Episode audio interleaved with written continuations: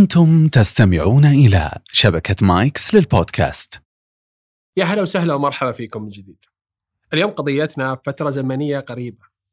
نتكلم عن 2011 الفترة اللي كان فيها بعض الدول العربية في الشرق الأوسط تشهد كثير من الأحداث اللي تصير فيها ونوع من عدم الثبات الأمني فيها وبالتحديد الدولة راح أتكلم عنها اليوم واللي حصلت فيها مجموع القضايا اللي قدر ب 13 قضية ألا وهي لبنان.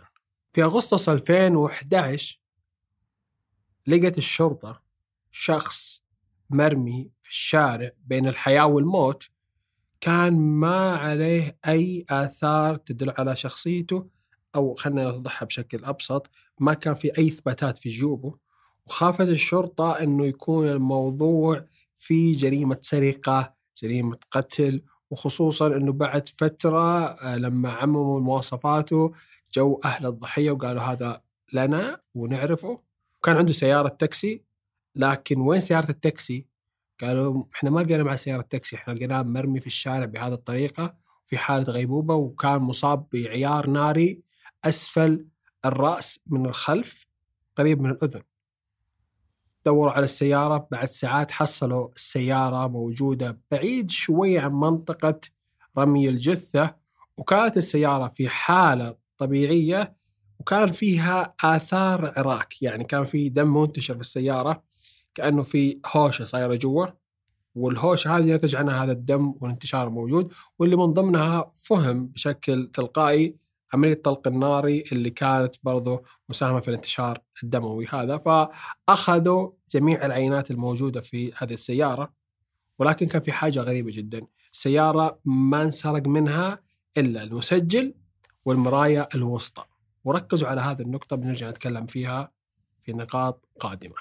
بعد ستة أيام بالضبط من هذه القضية والشرطة جالسة تدور من اللي سوى كذا في إلياس وإلياس داخل غيبوبة مو عارفين من وين يبدون.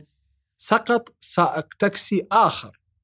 مقتول هذه المرة بنفس الطريقة يعني ما خاطروا بأنه يتركونه حي. بعد ما عرف المجرم أنه الياس ما مات بسبب نشر المعلومات على الصحف اللبنانية وقتها قرر أنه هذه الجريمة تكون فعالة بشكل كبير.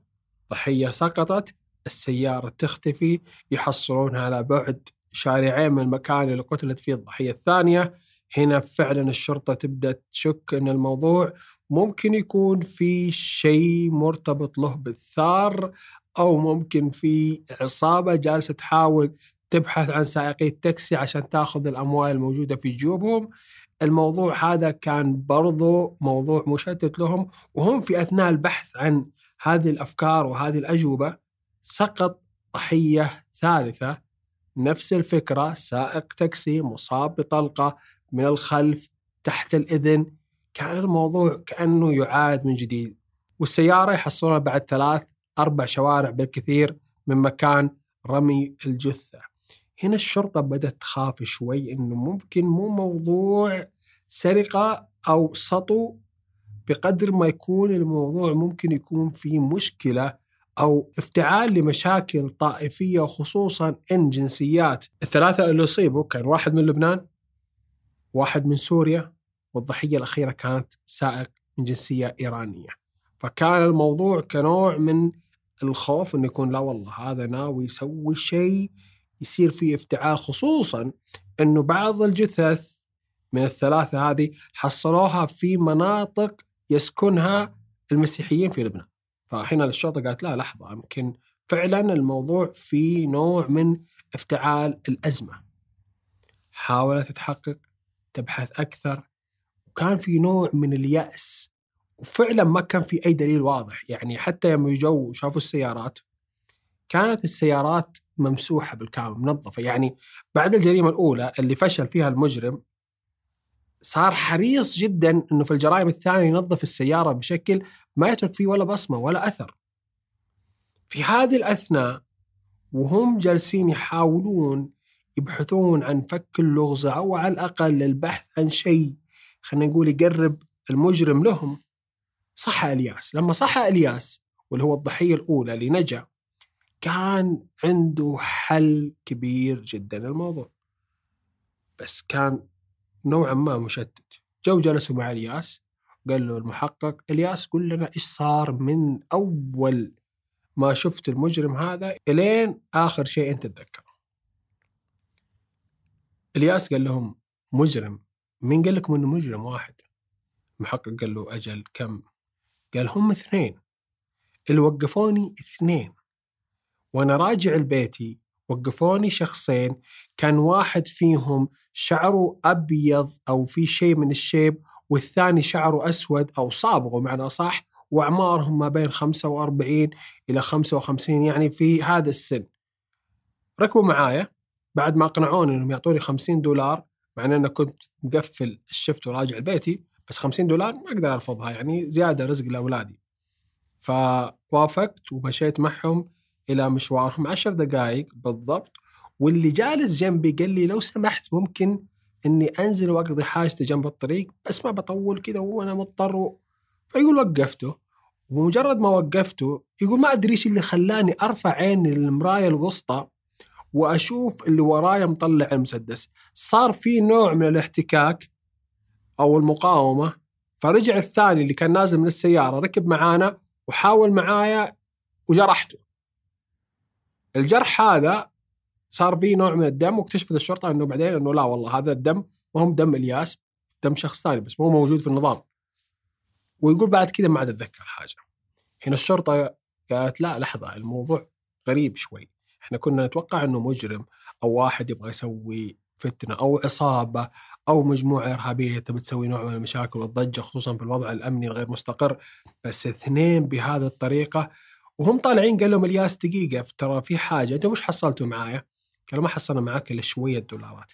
قال كيف شوية دولارات؟ كان معي 900 دولار. كنت ماخذها من البنك ورايح بالبيت. فقالوا له لا ما حصلناها.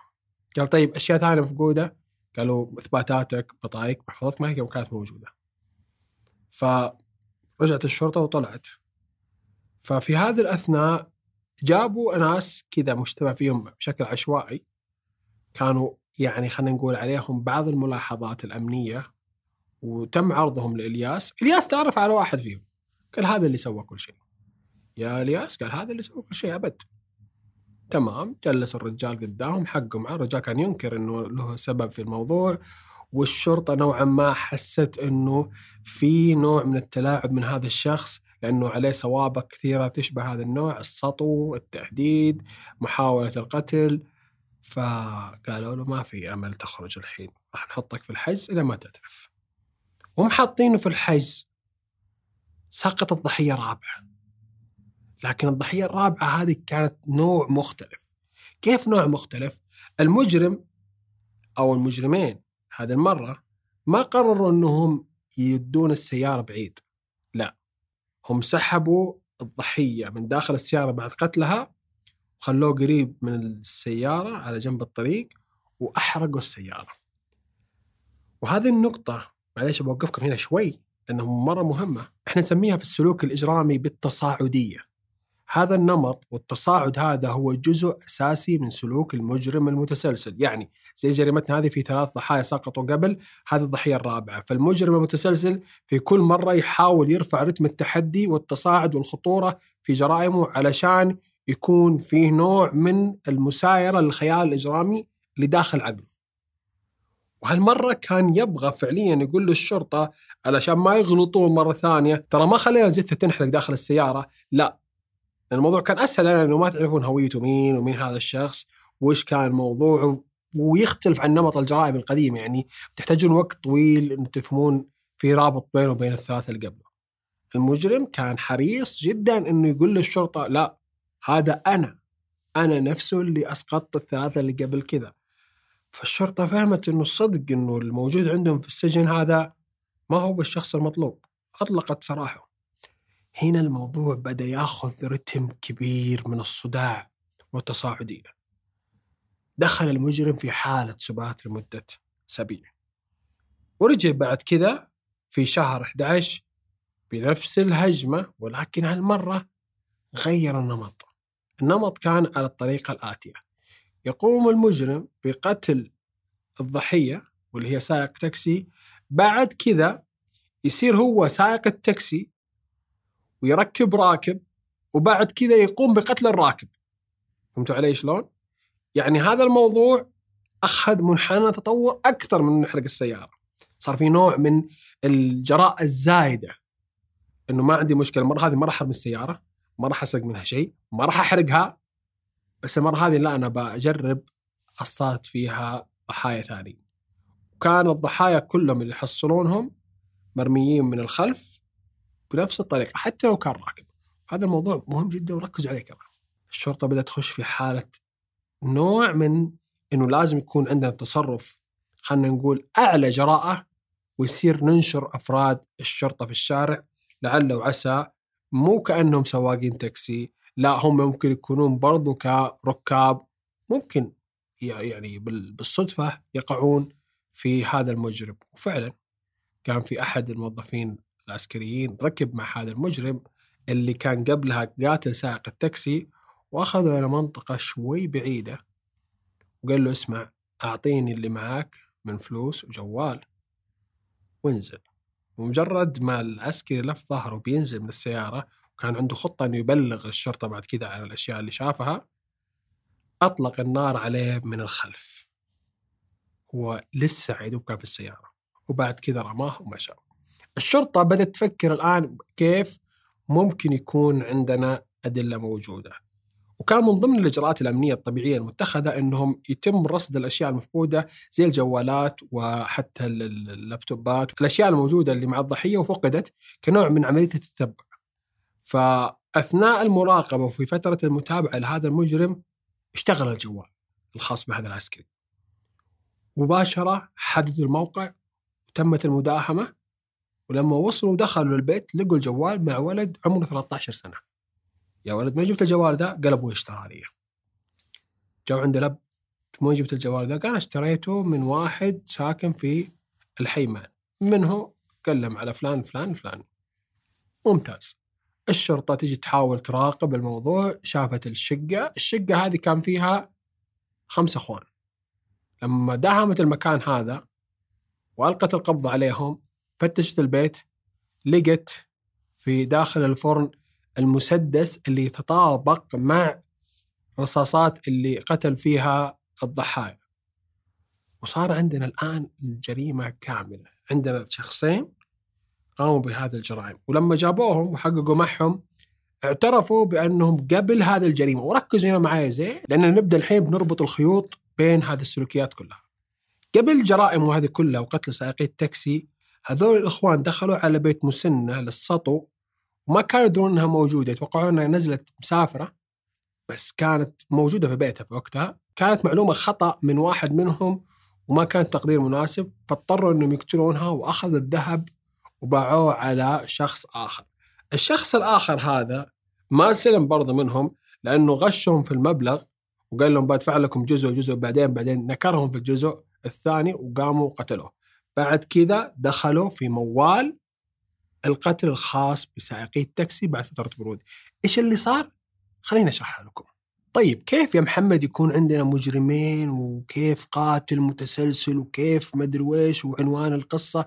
خلنا أشرحها لكم. إحنا نتعامل الآن مع ثنائي إجرامي. الثنائي الإجرامي هذا يكون بالعادة مسيطر وخاضع. المسيطر هو اللي يكون قائد لهذا الثنائي الإجرامي ومو لازم يكون بينهم رابط محدد من السلوكيات الإجرامية علشان يتفقون عليه. في جريمتنا هذه كان الرابط اللي ما بينهم هو علاقة الأخوة. كان عندنا ثنائي إجرامي مركب من قاتل وسارق. أو خلينا نوضحها أكثر كانوا اثنين سارقين ولكن بعد الجريمة الأولى تجاه السيدة المسنة صار عندنا قاتل وسارق. عنصر القتل بدأ يثير الطرف المسيطر في الثنائي الإجرامي وبدأ يحس أنه مسلي أكثر من جريمة السرقة.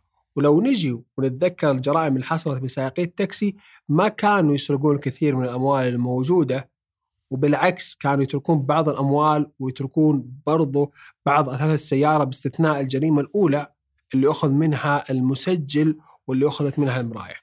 حاجة ثانية مرة مهمة ومرة تؤكد على نقطة وجود عندنا قاتل وعندنا سارق. والسارق هو الخاضع والقاتل يعتبر المسيطر في كل الجرائم كان في دقة محددة في مكان إطلاق النار وهذا يعني إن كل اللي حصل سلوكيا خلينا نسميها حركيا بمعنى صح كانت من يد واحدة كمية تحكم ثابتة كانت محددة نتج عنها طلقة في مكان واضح اللي هي أسفل الرأس خلف الاذن. هذا نقطة ثانية. في النقطة الثالثة واللي هو شيء مرة مهم ويشرح لكم إيش صار بعد كذا كنوع من التطور زي ما وصفناه في التصاعد السلوكي الإجرامي. إنه حتى لما صار فيه سلوك إنهم يركبون أشخاص وبعد كذا يقتلونهم كانت ضحيتين، الضحية الأولى طلبوا منها إنه تنزل وتوقف قدام جدار وبعد كذا اطلقوا النار على رأسها من الخلف، كان ممكن يطلقون النار عليه في مكان. نفس الموضوع بالنسبة للضحية الثانية اللي كان نازل وكانت هذه اللحظة المناسبة اللي معطيهم فيها ظهرهم وأطلق النار عليه. واحد منهم هو اللي أطلق النار عليهم كلهم. وهو العنصر المسيطر الموجود. طيب إيش اللي صاير في الموضوع هذا؟ إيش ممكن نفهم هذا الموضوع؟ لو تلاحظون إنه في عنصر واحد بس كان مميز جدا وأخذ لمرة واحدة، بعد كذا ما ذكر في الأدلة الجنائية، ألا وهي المراية الوسطى. طيب خلينا نفكر شوي. أنا الحين لما أكون راكب في المرتبة الأمامية خلف الدركسون أبغى أتواصل مع اللي وراي. عندي حلين. يا إني ألتفت يا إني أطالع المراية في النص. بحكم طريقة القتل الموجودة الأمر اللي كان يثير هذا المجرم هي آخر اللحظات اللي تكون بينه وبين الضحية من ناحية التواصل البصري الأمر اللي لأنه عرف ما كان بالقدرة الكافية أو ما كان مثير بدرجة كافية في جريمته الأولى أو خلينا نقول كان في البداية كان يتعرف على هذا الشيء المثير له فكان يحتاج لذكرى تذكره بنظرات ضحيته. يعني هو الضحية زي ما قال إلياس إنه شاف المسدس ويطلع فكان في نظرة خوف موجودة واضحة وارتباك. هذه اللحظة هي اللحظة المناسبة اللي كان يبغى يتذكرها المجرم علشان كذا أخذ معاه هذه المرايه لأنه المرايه هذه ما هو عنصر مهم. يعني لو كان قلنا بنظف السيارة زي باقي الجرائم اللي بعد كذا كان نظف السقف ونظف كل حاجة أو حرقها زي ما حرق السيارة. بس هذه الجريمة كانت مميز جدا إنه أخذ هذه المرايه لأنه ما كانت كاملة أو ما كانت مطابقة لنفس اللي كان يتصوره كنوع من السلطة والسيطرة على هذه الضحية. بعد كذا الموضوع صار في أكثر خلينا نسميه تحكم وصار المجرم ينتشي بشكل أكثر من عملية التواصل لأن الطلقة حتكون قاتلة وما راح تكون الضحية في حالة حياة بعد كذا أبدا. لذلك ترك كل شيء موجود وبدأ يطور سلوكه الإجرامي لدرجة أنه وصل لعملية الحرق. بعد كذا وصل لعملية إنه يكون عنده ضحيتين من سيارة واحدة السائق والراكب. خلونا بس نقول حاجة مرة مهمة. إيش ممكن نسمي هذا الشيء في السلوك الاجرامي؟ في مهن أصحابها يكونوا في عملية اشتراك وتقاطع كبير جدا في اليوم. حلاق، سواق تاكسي، آه، كوافيرا، استقبال مستشفى، استقبال فندق، هذا النوع من الوظائف يكون فيها احتكاك كبير من أطياف كثيرة يعني ما هم محددين الأشخاص اللي تشوفهم يعني مو لازم تشوفه اليوم بتشوفه بكرة ممكن يجيك شخص أسوأ من اللي امس أو يجيك أحسن من الأمس. فالموضوع بالنسبة لسائق التاكسي هو إنه الأمر متغير. يعني الأشخاص اللي قابلهم متغيرين بشكل مستمر. واحد. اثنين. مكان إطلاق النار واختيار المجرم على إنه يكون بالضبط خلف الضحية مو بجنبها أو خلينا نقول خلفها من جهة الراكب مثلا لا خلف السائق مباشرة الأمر يعطيه كنترول كامل. هو فكرة إنه ما تدري من يركب معك. ممكن شخص طيب ممكن مو طيب ممكن في قرارة المجرم نفسه يرى بأنه هو والعياذ بالله تصوير لملك الموت أنه أنا الآن قررت كنوع من النرجسية أني أخذ حياتك بس أنت ما تدري عن هذا الشيء ممكن فعلا ركبوا مع كثير من التكاسي والنوع هذا من الانحراف السلوكي عند المجرم خلاه يقول لا أنا ما بقتل هذا بركب مع واحد ثاني وأقتله خصوصا إنه وقفوا كثير من فترات زمنية في هذه الجريمة. أما بالنسبة للمجرم الثاني والمشارك في هذه الجريمة هو بطبيعته خاضع يعني حيرضى بالفتات الموجود اللي راح يعطيه إياه المسيطر، يعني خذ مثلا مسجلات، خذ شوية من الفلوس، خذ الأمور الموجودة اللي تلقاها في السيارة مثلا آه باكت دخان الأشياء اللي ترضيك كسارق. بس غير كذا لا تسوي شيء. أنا الباقي أبغى اخذه لي وأترك لك الشيء المناسب لك وبقرار راح تسمعه. وبرابط الأخوة اللي بيننا حتسمعه حترضى فيه. هذا موضوع جدا مهم. أما بالنسبة للمحافظ فالمحافظ تعتبر شيء نسميه ال souvenirs أو التذكارات. المجرم لما قتل ضحاياه عشان يتذكرهم أخذ معاه بطايقهم. يعتبر هذا الشيء كنوع من إعادة إحياء الجريمة في عقل المجرم ويتذكر الضحية هذه ويتذكر مشاعرها من خلال عملية استعادة الخيال الإجرامي المعتل. وهذه هي طبيعة الثنائية الموجودة. يعني كان فعلا في اثنين راكبين بس كان كل واحد عنده نمط إجرامي مختلف كانوا سلوك إجرامي مشترك كثنائي إجرامي.